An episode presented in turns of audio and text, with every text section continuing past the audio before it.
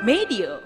Kita nggak bisa nata politik, sosial, ekonomi secara bersih dan rapi kalau dalam pikiran kita tidak bersih, tidak rapi, dan tidak rasional gitu ya. Oke. Itu masyarakat itu kan cerminan keadaan batin manusia-manusia di dalamnya. Ingin belajar soal isu kesehatan mental? Sering merasa sendirian dan sulit dimengerti lingkungan sekitar soal perasaan kamu? Tenang, kamu nggak sendiri kok. Dengerin podcast Anyaman Jiwa yang ngebahas seputar kesehatan mental dari lingkup pekerjaan, percintaan, hingga sosial. Persembahan Medio by KG Media di Spotify. Bersama saya Wisnu Nugroho, inilah Beginu. Bukan begini, bukan begitu. Halo pendengar setia Beginu, selamat datang di episode terbaru persembahan kompas.com dan Medio Podcast Network. Di episode ini, kita akan mendengarkan kisah Reza Watimena tentang pandangannya terhadap filsafat bagi kebermanfaatan masyarakat.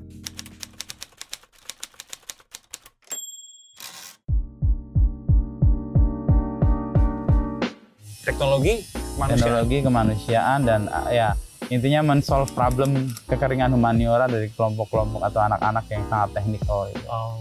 Yang biasanya binary kan yang Iya. hitam putih. Nggak ada keti- ketak terdugaan itu yang tadi kita obrolin. Ingin mengontrol kenyataan. Distinctive kenyataan. dualistik kalau gue Ah, nyebutnya. distinctive dualistik gitu ya. Berpikir lihat dua. Makanya banyak anak teknik, anak kedokteran tuh banyak yang jatuh dalam radikalisme terorisme ya karena berpikirnya dualistik, Hmm. posisi biner. Kalau nggak A ya B. Hmm. Kalau nggak nggak bisa A dan non A tuh berbarengan tuh nggak bisa. Itu konstruksi pemikiran atau sebenarnya kita dalam posisi yang mengambil sikap untuk itu? Itu dibentuk oleh masyarakat ya sebenarnya. Hmm. Cara berpikir dualistik distinktif gitu ya. Hmm. Ada dua faktor sih ya, selalu selalu dua faktor ya. Hmm. Faktor pribadi dan faktor kolektif itu selalu. Hmm. Tapi kalau yang pribadi tidak didukung oleh faktor kolektif tidak nggak akan terbentuk. Ya. Jadi kayak ada potensi, Ketemu potensi jadi kenyataan apa enggak tergantung pada kondisi-kondisi lingkungannya.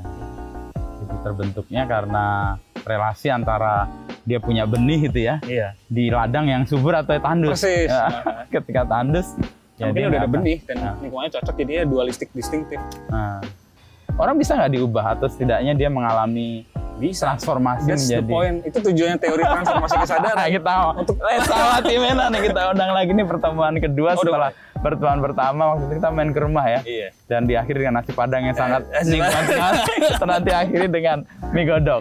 Les, lo, lo sampai pada menemukan teori eh, transformasi kesadaran itu eh, gimana perjalanannya? Iya, sebenarnya kan udah berapa nih? 23 24 tahun ya gue belajar filsafat ya. Dari Hmm. tahun 2000 tahun 99 2000, sejak ya, di ya. SMA. Mhm. Terus eh, itu filsafat Eropa tuh, rasionalitas, logika, Oke. analisis. Eropanya Jerman lagi, Jerman gitu ya. kebanyakan ya. yang Karena dari kebetulan di STF. Jatinegara banyak alumni Jerman. Jadi kayak masa Magnis, Jerman nah, di situ ya. Magnis, Sindu. Budi Hardiman, Sindu, eh, Simon Lili Cahyadi. Oke. 2014 banting setir kan. Mhm. Kok kayaknya filsafat Eropa tuh cukup kuat untuk mengatur masyarakat, tapi tidak cukup kuat untuk mengatur batin manusia ya. Pikiran dan batin manusia cukup. Cukup. 2014. lo 2014. pada Di episode titik- sebelumnya. Iya, yang ya. lo di Munich, di München. Eh, Munchen ya, Iya, iya, iya. Munich atau Munchen kita nyebutnya. München lah, sesuai München. dengan aslinya lah. Ini itu kan sebutan orang Inggris. Iya, karena dia nggak bisa bisa ngomong. München. Oke. Jadi 2014 itulah Banting setir. banting setir. Tetap belajar filsafat Eropa, cuma sekarang nyelamnya ke filsafat Asia. Mhm. Filsafat Asia itu ya berarti tradisi yoga, tradisi Vedanta, Taoisme, eh, Buddhism dengan segala variannya, Mhm. Advaita Vedanta, terus ada Konfusianisme sedikit lah. Oke. Tapi kita nyebutnya spiritualitas Asia. Ya. Itu menjawab kekosongan dalam penataan Sangat. dalam diri. Sangat. Setelah lu tahu penataan masyarakat dan komunitas. Karena itu terkait. Kita nggak bisa nata politik, sosial, ekonomi secara bersih dan rapi kalau dalam pikiran kita tidak bersih, tidak rapi, dan tidak rasional gitu ya. Oke. Masyarakat itu kan cerminan keadaan batin manusia-manusia di dalamnya. Si Aso. Mazo, mazo. Jerman itu. Ya, iya. ini mungkin juga relevan dengan kutipan Pram itu ya. Kalau orang mau jujur, jujur sejak dalam pikiran. bisa begitu ya. ada satu korelasinya juga. Kalau kita mau menata masyarakat, ya kita bisa menata batin kita Persis. terlebih dahulu. Kalau kalau pikiran kita jernih, batin kita damai, itu tercermin dalam perilaku kita. Dan masyarakat itu kan sebenarnya cerminan dari perilaku kolektif anggota-anggotanya. Dari cara berlalu lintas, lihatlah Jakarta kan, kayak begitu kondisinya ya, berantakan, nggak peduli orang lain. Karena memang keadaan batinnya di situ kacau balau. kacau, berantakan, tidak rasional, tidak memikirkan kepentingan orang lain, egoistik gitu ya. Motor ngelawan arah dulu, udah eh lu nggak tahu lu ngalamin nggak sih kalau gue ngalamin gue naik motor ya Amin dong. aduh naik motor Dan ketika kita Lawan- marah pas lagi macet lawan arah gitu, gitu. dan mereka yang galak. kadang-kadang Gitu. mereka galak atau ada mereka pura-pura nggak tahu Nah, gitu iya. loh karena saking udah kebalnya gitu ya sudah mati rasa ya mati rasa ya. membeku gitu loh nurani apa ya keberadaban di jalan tuh membeku ya Mhm. Mhm. ya, ada faktor sistemik juga ya polisi diem aja gitu. nggak, nggak, nggak nilang nggak, nggak, nggak ada nggak ada konsekuensi Atau ketika chaotic situation polisinya malah nggak ada. persis itu paling yang sering berkali-kali gue alami semakin chaos ya udah kita akhirnya ngatur diri sendiri aja seperti di hutan rimba gitu Dan nggak tahu masyarakat, gue merefleksikan pengalaman dulu juga sering naik motor. Hmm. Jadi Naik Vespa kenapa ya Vespa orang eh, Vespa bukan motor sebenarnya. Eh. Vespa. gue gue juga naik Vespa sekarang tapi Oh, yang gitu. matic nggak kuat soalnya Artinya orang di Jakarta itu dibiarkan menghadapi persoalannya sendiri-sendiri. Iya. Dengan diri yang chaotic, maka dia merespon persoalan dengan yang chaotic juga akhirnya meta chaotic double chaotic ya. Nah, oke. makanya banyak orang stres depresi. Jadi eh, perpaduannya menarik. Di satu sisi depresi sedih di satu sisi agresif. Mhm. jadi depresif sekaligus agresif Agresif. pada saat yang sama. Depresif tapi kalau udah nyenggol apa lo ah, gitu loh. Ah, oke. Ada teori psikologi juga yang nyebut sebenarnya marah itu ekspresi kita tidak menerima kesedihan. Hmm. Pengalaman sedih itu lebih menakutkan dan lebih membuat kita jatuh dibanding pengalaman kita marah. iya Jadi orang lebih merespon marahnya karena dia takut sedih, dia marah. Jadi satu paket tuh agresi dan depresi itu Hmm. selalu satu paket sebenarnya jadi orang yang agresif biasanya dia depresif tapi tampilan luarnya jadi Kelihatan. konfliktual ya. Jadi dia kayak melawan perasaan depresinya dengan agresi. Iya diekspresikan secara agresif. Nah, Ya kan berita-berita itu yang apa anak SMA bunuh temennya pukul-pukulan itu yang hmm. siapa ya namanya lupa lah istilahnya di kompas.com banyak gitu. Terus ada orang Setelah berantem kita di teliti atau kita dalami lebih jauh, dia mengalami agresi dan depresi pada saat yang sama.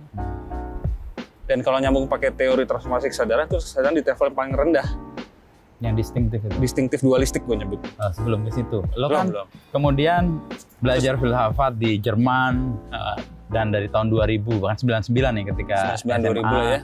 Lalu lo tadi Pak menyebut Dewa itu. sebagai Reza Watimena itu mengalami tiga kali kelahiran. Oh iya. Ingat itu bisa dan itu kan setidaknya menyempurnakan atau membantu lo untuk menemukan apa yang sekarang lo lagi geluti kan. Iya. Lo lahir pertama di mana, kedua di mana dan Iya, ketiga di lahir mana. pertama tuh ya lahir kelahiran fisik lah ya dari rahim ibu. Lalu terjadi proses sosialisasi pembentukan. Kelahiran kedua tuh umur 14 15 Oke. di masuk SMA, Masuk masuk, SMA. asrama seminari Ya, ya. Wacana Bakti. Hmm. Cara berpikir berubah total, gaya hidup berubah total. Yang tadi nggak pernah nyuci baju, nggak pernah ngepel, nggak pernah nyapu, sekarang nyuci baju, ngepel, nyapu tiap hari gitu ya. Bangun pagi, makan teratur, olahraga, Hidup dengan orang-orang seumuran Eh, dan banyak. Iya hidup berkompromi dengan sekamar bertiga, terus nanti ada angkatan, ada komunitas, belum kalau berantem, belum soal cewek, belum ref- belajar refleksi, mengolah batin. Nah itu kelahiran kedua tuh. Jadi terjadi perubahan total sebagai manusia ya, transformasi ya. Hmm. Perubahan ketiga, transformasi ketiga ya pas di Jerman 2014. Lo Kok bisa pas ya? 0, 15, 30.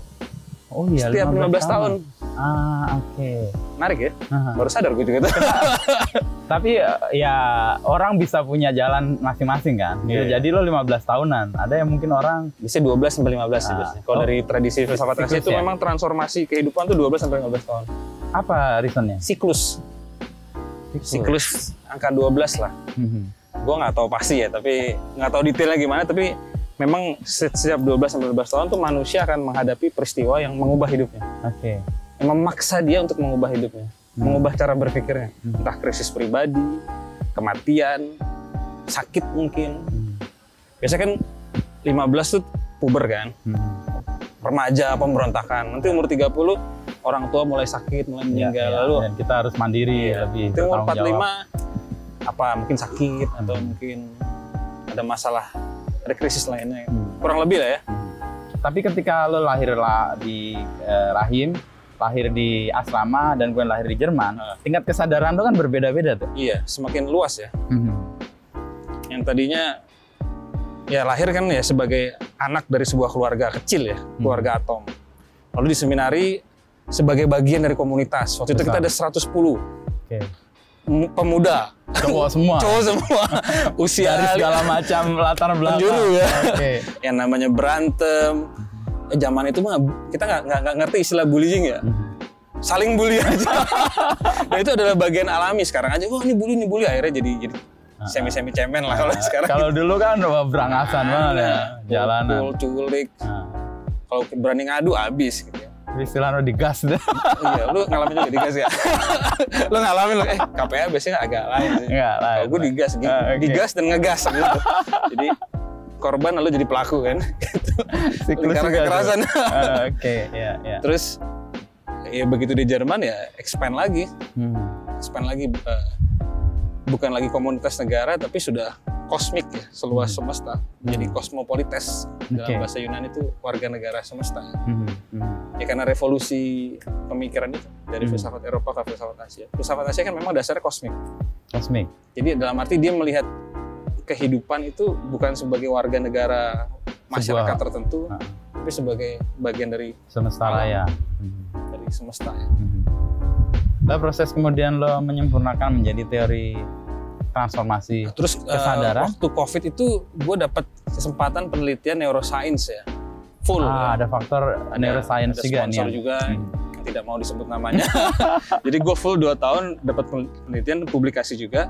Nah itu kayaknya klik tuh filsafat Eropa dengan rasionalitas sistematikanya, sikap kritisnya, filsafat Asia dengan kedalaman spiritualitasnya, eh, tujuan tertingginya itu liberation pembebasan dan neuroscience ya yang menjadikan otak kesadaran dan sistem saraf manusia sebagai objek kajian. Mhm. Dan sudah setahun belakangan ini gue banyak main sama eh, Densus 88 Oke. banyak melihat di lapangan lah bagaimana penanganan terorisme di Indonesia, Mhm. Mhm. polisi-polisi yang menangani. Gitu.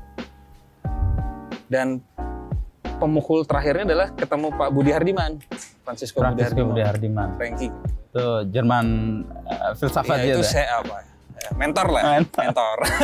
Dulu dosen, mentor, sekarang jadi Sekarang teman teman. baik. Oke. Wa- Waktu itu eh, ketemuan kita ngobrol-ngobrol terus Pak Frankie bilang, kamu coba nggak bisa bikin sistematika pemikiran itu Hmm. akan sangat berguna untuk Indonesia. Oke. Tadinya kan udah udah zen mind banget lah ya, Udah. menikmati hidup, Udah, udah. mendengarkan suara burung, menikmati udara, udah benar-benar cukup, sudah merasa cukup gitu loh. Itu tadinya. ketika kita terakhir ketemu kan? Iya. Itu di level lo Itu nyaman sudah- dengan semua. sudah konten ya, di- sudah merasa cukup. Ah, oke. Tetap bekerja, cuma kembali ke rumah kesadaran terus itu sudah nyaman, Hmm. sudah semi-semi setengah di surga gitu ya. Oke. Sisanya masih harus bekerja dengan segala macam Kerumitannya. kompleksitas kehidupan lah ya. Mhm.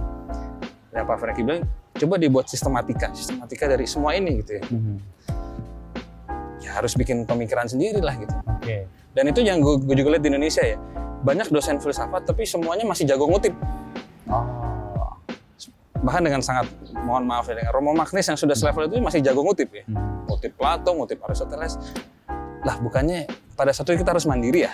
Boleh sih kita belajar itu semua, cuma satu titik kita harus Menemukan harus pemikiran. bangun ya. Merumuskan semua yang kita pelajari lalu men- menemukan atau merumuskan lah mensistemat mensistematisasi pemikiran kita sendiri. Mhm. Dan gue pikir ah coba ah bikin. Dan itu dua hari gue bikin. Pemantiknya Fr- Pak Francisco Franky. Budi Hardiman. Iya. Oke. Dua hari lo bikin. Itu kayak katarsis kayak tumpah gitu loh. Tumpah jadi nulis satu 70 halaman aja dalam dua hari ya. Itu kayak lupa makan, lupa mandi, lupa mandi sih mas sering nggak usah nggak usah nggak usah pas nulis buku aja ya. Lupa makan, lupa mandi, lupa tidur, tahu oh udah jam segini udah jam udah kehilangan waktu lah. Dua hari selesai, baca lagi langsung. Tadinya kan itu kan jadi buku ya, buku teori transformasi kesadaran. Kan kalau mau nerbitin lewat penerbit kan lama ya, Sip. editor, pertimbangan pasar, layout, Harga pasar berapa? harga pasar berapa, Oke. Pre-order. lu tahu lah, lu kan berapa kali ngalamin. Lama bisa tiga bulan, empat bulan, paling cepet tuh. Paling lama gue pernah setahun malah. Karena COVID. Alasannya karena COVID waktu itu. Ah, sekarang ngapain kita terbitin buku-buku kayak gitu lagi? Bikin e-book, terbitin.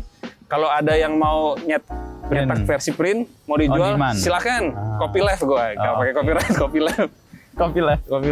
Copyright katanya untuk orang-orang yang lemah kata Bengsi. gitu ya. Gimana Pak? Ya, jadi gue bikin e-book sekitar 60-70 halaman. Bener-bener padat tuh teori transformasi kesadaran. Hmm. Isinya nanti aja ya, belum nanti. Kita pelan-pelan menuju ke situ. ya, terbitin jebret. Eh, udah e-book taruh di rumah filsafat, taruh di, di Facebook, taruh di Instagram, taruh di akademia.edu, di researchgate.net yang itulah eh, situs-situs Jaringan yang selama ini lo masuki. Plus, gue pikir ah siapa sih yang baca? Ternyata. lumayan ram banyak. Gue banyak terima email eh, biasanya ngasih masukan mas kurang ini kurang ini kurang ini kurang ini kurang ini.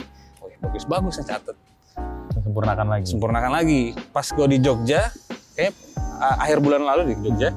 Ya acara dengan dengan Densus 88 kan mereka rapat rapat ya para polisi dan intel dan tentara negara-negara ASEAN lah. Kan gue nggak ada nggak ikut campur ya. Gue di kamarnya nulis semua kritik dan saran tadi gue gue masukkan ke dalam buku Tambahan. itu jadi edisi revisi satu.